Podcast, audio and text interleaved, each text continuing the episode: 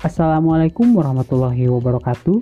Selamat malam pemirsa, kembali lagi bersama saya Arifatur Rohman dalam Apa Kabar hari ini. Pemirsa, sejak awal tahun 2020 ini dunia sudah digemparkan dengan maraknya penyebaran virus COVID-19. Banyak sekali aktivitas-aktivitas yang terdampak akibatnya, salah satunya bidang pendidikan. Yang mana yang tadinya bidang pendidikan ini dilaksanakan secara offline, sekarang telah dilaksanakan secara online atau secara daring. Dan hal ini berdampak sekali pada lingkungan pembelajaran baik mau kampus maupun sekolah.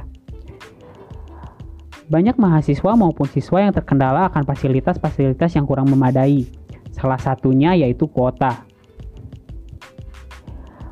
Walaupun sudah ada bantuan dari pemerintah terkait kuota tersebut, banyak sekali pihak pihak yang sangat dirugikan akan, akan hal ini. Salah satunya pihak mahasiswa itu sendiri.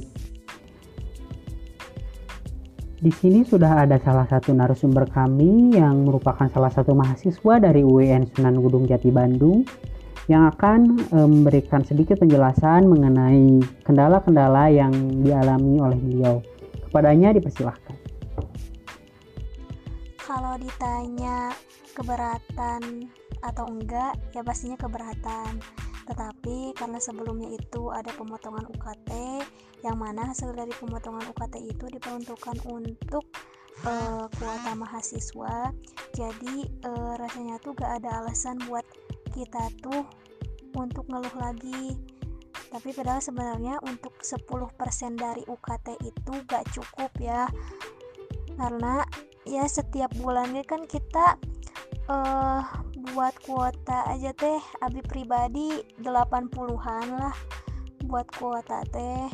Kamu pas di rumah mah karena pakai Telkomsel jadi harus lebih dari 80 kayak gitu. Emang keberatan keberatan. Cuman karena dari awal tuh apa ya udah dipotong ya UKT teh 10% itu.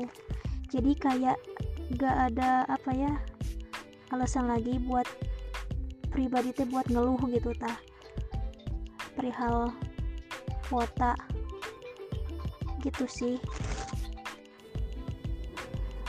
Terima kasih kepada Ibu narasumber yang sudah mau memberikan aspirasinya pada kami. Semoga apa yang Ibu sampaikan bisa dapat terdengar oleh pihak-pihak yang memang berkenan dalam hal ini. Sekian dari saya, Bila Taufiq Hidayah. Wassalamualaikum warahmatullahi wabarakatuh.